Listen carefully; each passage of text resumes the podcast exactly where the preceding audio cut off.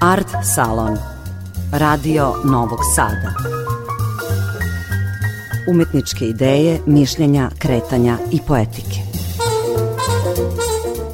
Dobroveče, ja sam Tatjana Novčić-Matijević, počinje Art Salon, emisija Radio Novog Sada o kulturi.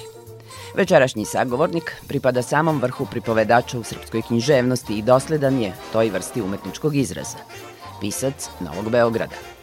Paralelno, više od četiri decenije, piše književnu kritiku, oglede, eseje, priredio je, kažu, kanoničku antologiju savremene srpske priče, uredio mnoge knjige, zbornike, časopise i profesor je na Filološkom fakultetu u Beogradu.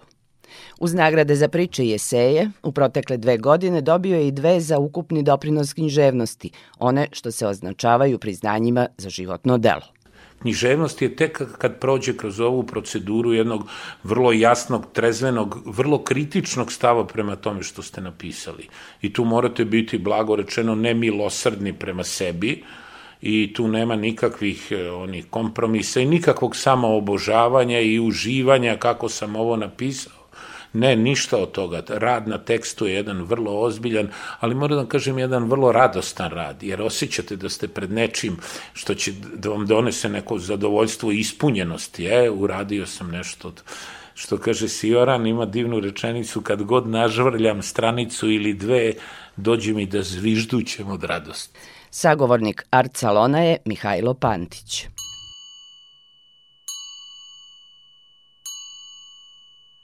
Our life together is so precious. Together we have grown. We have grown. Although our love is still special. Let's take a chance and fly away somewhere alone. It's been too long since we took the time. No one's to blame. My no time flies so quickly.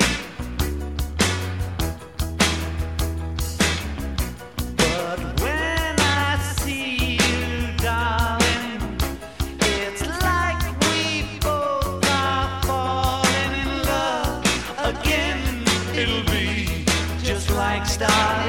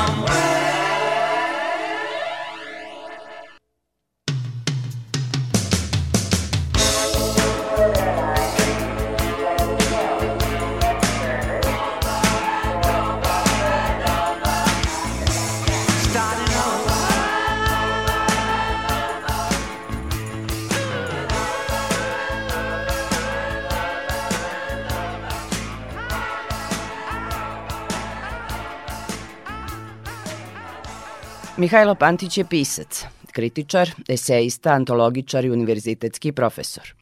U njegovoj bibliografiji, stvaranoj više od četiri decenije, nalazi se bezmalo stotinu autorskih i koautorskih knjiga, antologija i zbornika. Priče su mu prevedene na dvadesetak jezika, uvrštene su u mnoge antologije u svetu. Posebna izdanja objavljena su na bezmalo svim svetskim i jezicima u regionu. Bogata i plodotvorna karijera, osim nagrade za priče, kritike i eseje, potvrđena je i onim za ukupni doprinos, odnosno za životno delo. U poslednje dve godine dobitnik je nagrada Borisav Stanković i Kočićeva knjiga. Pa jeste to neki trenutak u kome čovek se malo zamisli i pomisli kad presti, kad je prestiglo otprilike. Ali onda se, se, znate čega se setim? Setim se da oni koji sam ja kao mladić uzimao kao neku vrstu, ajde da kažem, uzora, da su to ljudi koji su otišli mnogo pre godine od kojima se ja trenutno nalazim. Pa se onda setite isto tako neki koji su baš, baš prerano otišli i onda razumete da je to sve neki neumitnost nekog životnog toka. Tako da ne razmišljam, iskreno ne razmišljam previše o tome. I meni se čini, što kaže Mao Tse-tung u jednoj pesmi, prošlo je 40 godina kao da sam pucnuo prstima. I to je zaista jedan maraton, to je maraton u kome se čovek menjao i saglasno i nekim promenama opštih razmera. Znači, mi pre 40 godina nismo mogli ni pretpostaviti da će naš život dobiti ovu formu koju trenutno ima. Recimo, mi smo, ja sam generacija koja je prvo već samo pisanje na pisaćoj mašini je bilo do izvesne mere proskribovano. A sad niko nije mogao da, ni da pomisli, to sam čak napisao u nekom tekstu, da, da ću recimo, ne ja, nego većina nas će dobar deo svog budnog vremena provesti sada gledajući u ekran Svejedno da li gledate u svoj kompjuter, da li gledate u televiziju, da li gledate u mobilni telefon, gde god se okrenete, stiže vas ili susreće vas neki ekran koji bez ikakve sumnje, i to moram da kažem, menja u potpunosti našu mentalnu strukturu. Naša koncentracija je već sad nekako unapred programirana na dva ili tri minuta, ne duže od toga, i naša svest je preokupirana gomilama informacija koje jedna drugu sustižu bukvalno iz minuta u minut. Mi više nismo u stanju da napravimo bilo kakvu vrstu selekcije i više smo kao neka protočna, kao neki medijumi, kao neke protočne sredine kroz kojih eto struji taj spoljašnji svet na koji se on način u nama preobražava i na koji način on izlazi u, nekim formama za koje mislimo da su umetničke, to je preteško to je preteško pitanje za mene, ali kažem, to je bio moj neki izbor te moje promene su se naravno odvijale na različitim nivoima i zaista sam ba, se bavio ne znam čime nisam. Od uređivanja knjiga, redakcija, rada u žirijima, priređivačkog rada, antologičarskog rada, redaktura, naravno pisanja, književnih kritika, eseja, ogleda, pogovora, predgovora, učestvovanja na raznim panelima, simpozijumima, skupovima i otvaranjima izložbi, čega god, mislim, uopšte ne mogu ni da pomislim šta sam sve radio za sve te godine. I beležili ste sve promene koje se dešavaju i u književnom životu, i ali ste bili i kreator svih tih promena. Je li to dvostruka uloga ili je to nekako prirodno išlo jedno uz drugo?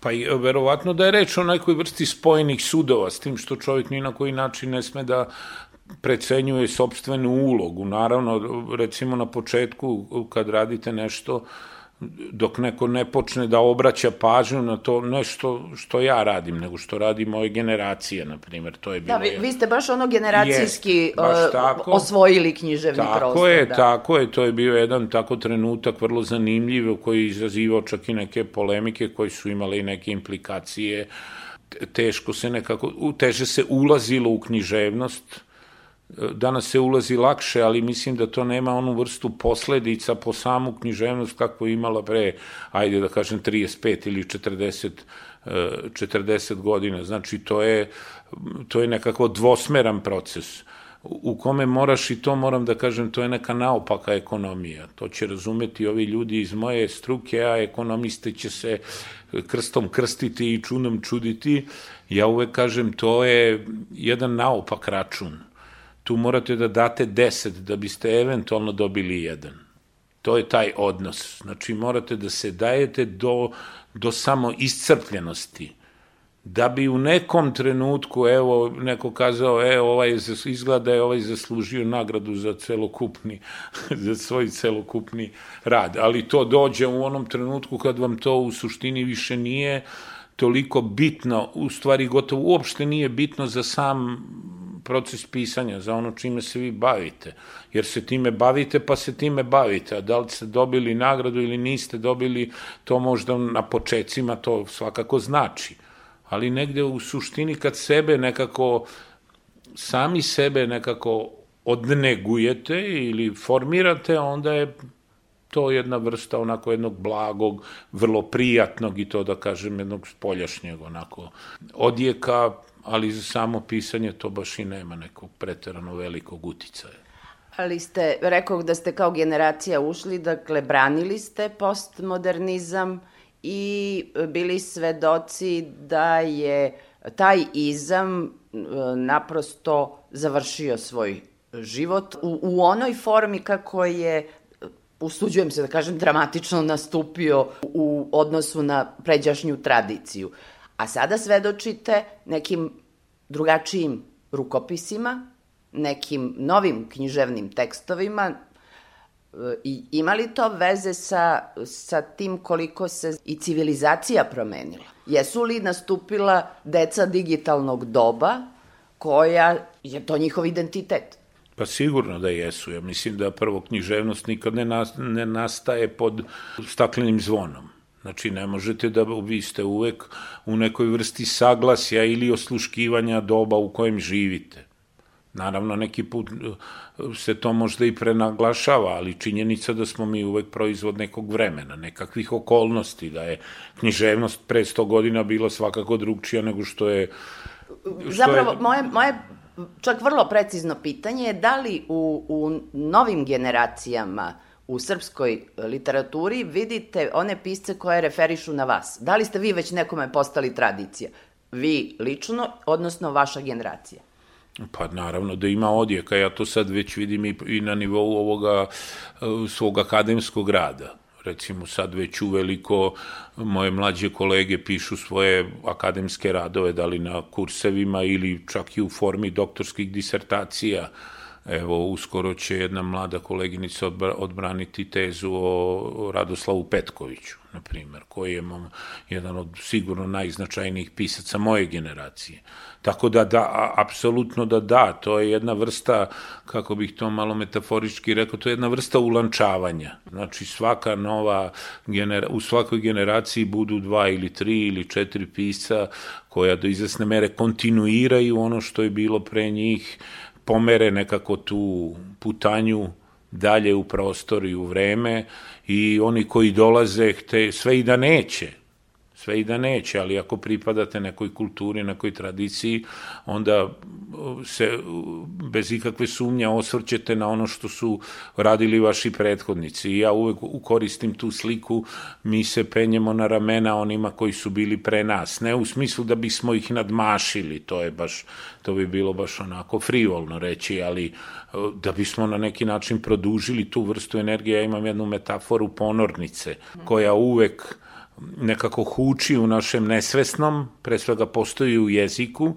i vi kad mašite da pišete, evo recimo, kad ja uzmem da ma, pišem nekakvu priču, ja i čak neću u samom procesu pisanja asociram kroz svoje rečenice i kroz svoje misli i kroz svoje obrte i kroz svoje junake, vi asocirate na nešto iz, iz onoga što ste prethodno čitali, jer je to postao deo vas, pa to je postao deo vašeg mišljenja.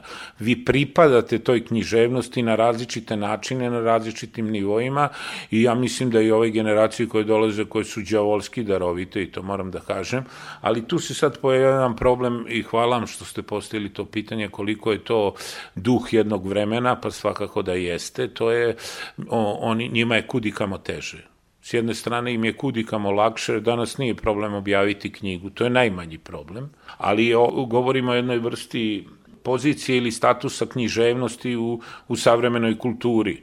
I mi vidimo da, bez obzira na to što živimo jedno, jedno vreme hiperprodukcije, jedne nepreglednosti publikovanja knjiga, što s jedne strane može i da nas raduje, jeli, da je knjiga ipak ostala kao neki bitan artefakt za jeli, čovekovu zajednicu, ali s druge strane vidimo to da je, da je nekako se izgubila jedna vrsta socijalne presti, socijalnog prestiža književnosti.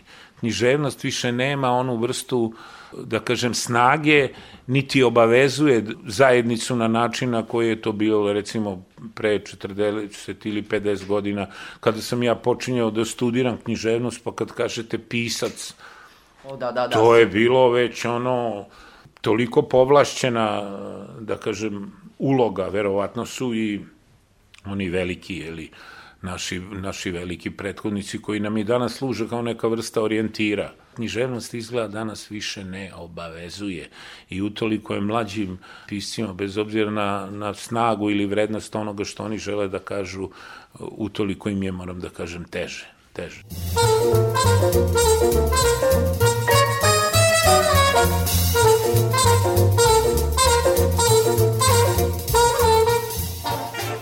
Dugo ste zajedno i prošli sve tranzicije, uslovno govoreći. Da. I to se oseti u, u vašem rukopisu u svim onim knjigama koje su se bavile novobeogradskom svakodnevicom. I koje nastavljaju da se bave da, novobeogradskom da. da, ja sam imao tu sreću da da rastem sa gradom koji je postao neka vrsta osnove mog književnog sveta s tim što ja jako insistiram na, na činjenici, ja sam ipak dete postmodernizma, tako da nisam onaj realistički pisac u, u smislu neke vrste reprodukcije.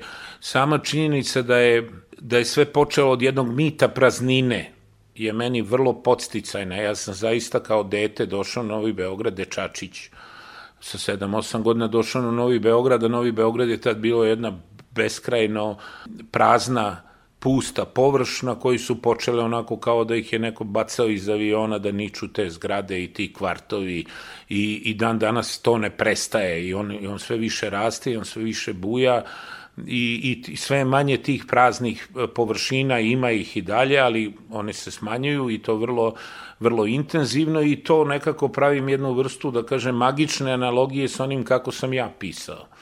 I ja sam počeo tako, a onda sam napravio nekakav paralelni svet koji postoji u nekoj analogiji sa stvarnim mestom, ali dobio je, moram da kažem, jednu mitsku na trenutke i pomalo demoničnu auru jednog velikog grada koji obezličava ljude u kome se čovek ko je ono odavno rekao je li da je se intenzitet monaštva u stvari najbolje doživljava upravo ne na, u pustinji kao što je bilo nekada, nego u ovom gradskom ravinjaku, gde samoća deluje onako prilično, da kažem, apokaliptično. Čovjek se naprosto uplašiti činjenice da je, da je sam okružen među milionima sebi sličnih. Eto, to je taj nekako doživljaj koji onda plavi, plavi sve, gotovo sve što sam ja do sada napisao.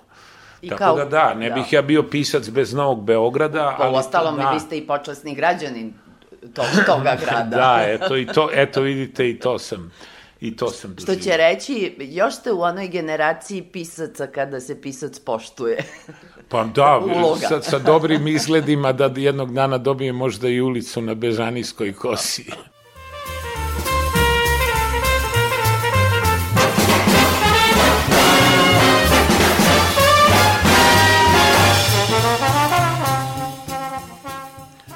Dunav je deo tog mita, on, on nekako meni daje jednu snagu koja me prevazilazi, to je snaga velikih entiteta. I to osjećanje da se čovjek divi planini, na primer, ili da se divite kanjonu, ili da se divite velikoj reci, ili da se divite okeanu, ili da se divite moru.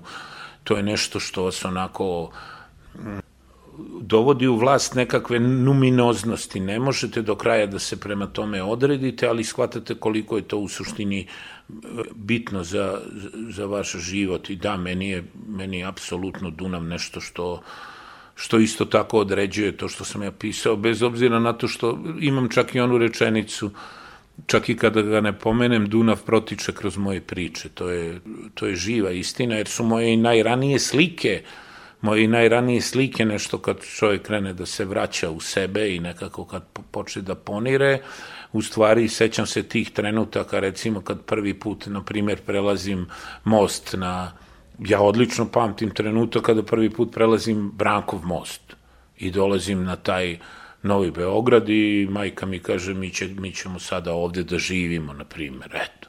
To su te neke uh, vrlo, vrlo snažne slike uh, i dubina tog pamćenja takođe u, u prilično, nemojte mi da mi, ne mogu na to do kraja, do pitanja krajnje racionalno da odgovorim, Pa zato što ne mogu, da, zato što ne mogu na njega da racionalno odgovorim, onda verovatno zato i pišem. Ima li još džepova iz kojih izlaze priče? Odnosno, da li se ti džepovi vremenom, iskustvom umnožavaju? E pa sad, to je uh, prilično zanimljivo i uh, pitanje. Uh, Zato što ja ne znam koliko toga u, u, u čoveku ima. Ne mogu tome da odredim broj. Ja znam da u meni ima još neka neispričana priča, u to sam apsolutno siguran, jer znam recimo da ima, imam, ne, evo sad u ovoj najnovijoj knjizi sam napisao, završio jednu priču koju sam bio zamislio pre 40 godina i onda tačno tako, kad sam završio prvu knjigu, ostali su neki restlovi, ja to sam kroz godine sam to čovek, što se kaže, zametne negde, ne, ne, i onda je to nekim čudom izronilo, ja sam video to i rekao, jao, pa vidi ovo, znači prošlo je 40 godina, ja sam posle 40 godina završio neku priču koju sam bio, za, to, to, Andrić je to zvao napušteno gradilište.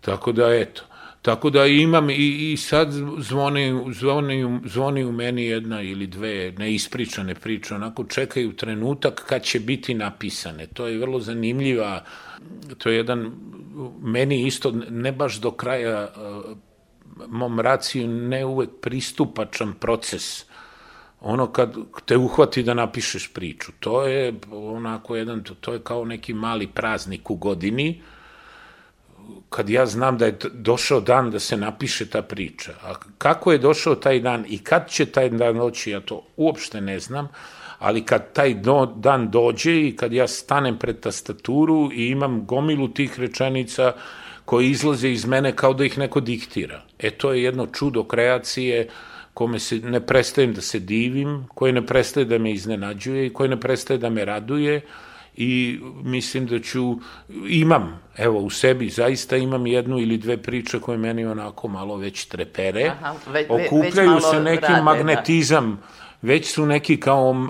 ja sam kao neko namagnetisano područje i to sad počinje polako da se lepi za mene, I doći će jedan trenutak kad će verovatno taj unutrašnji neki sadržaj naprosto da se jeli, probije u, u jednu vrstu izgovorljivosti, jer priča je jedna, jedna vrsta ozvučavanja onih unutrašnjih sadržaja koje do kraja nismo uvek nismo svesni, pa kad napišete priču, onda stanete pred nju kao pred neko, evo kao popa pred svoju pesmu i kaže, Bože, odakle ovo meni?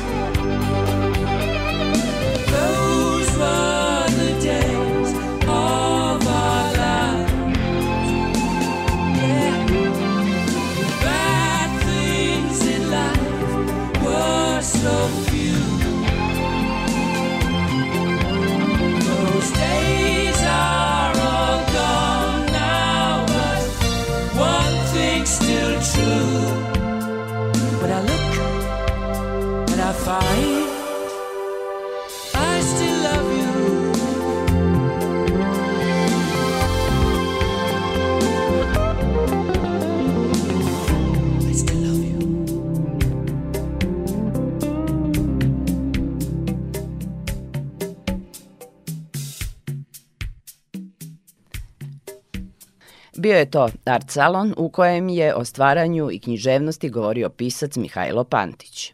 Emisija je dostupna i na odloženom slušanju na sajtu Radiotelevizije Vojvodine. Laku noć, želim vam Tatjana Novčić-Matijević, narednog utorka, nove priče o umetničkim idejama i praksama.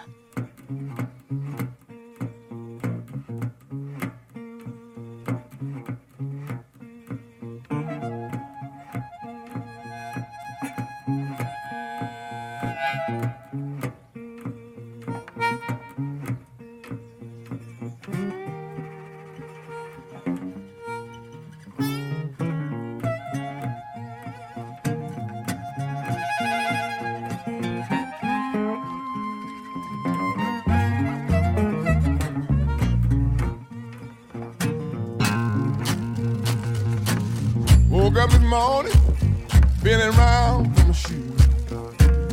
You know about that, baby. I got these old walking blues. I woke up this morning, feeling round for my shoes. Where they at? Well, you know about that thing. Look at here, I got these old, old, old walking blues. Leaving this morning, I had to go ride the blind. I've been mistreated and I told mine died. Leaving this morning, I had to go ride the blind.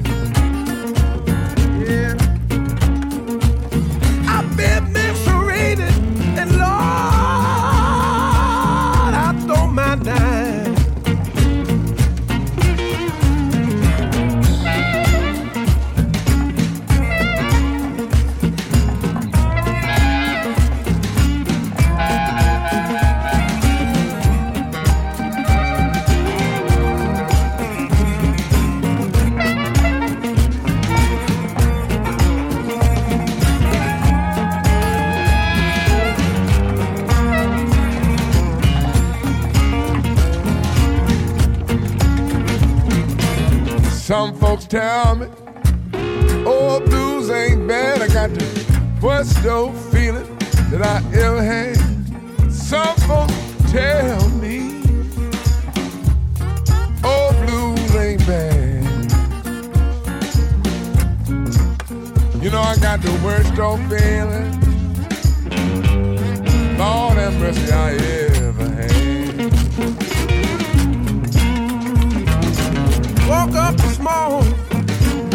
around my shoe.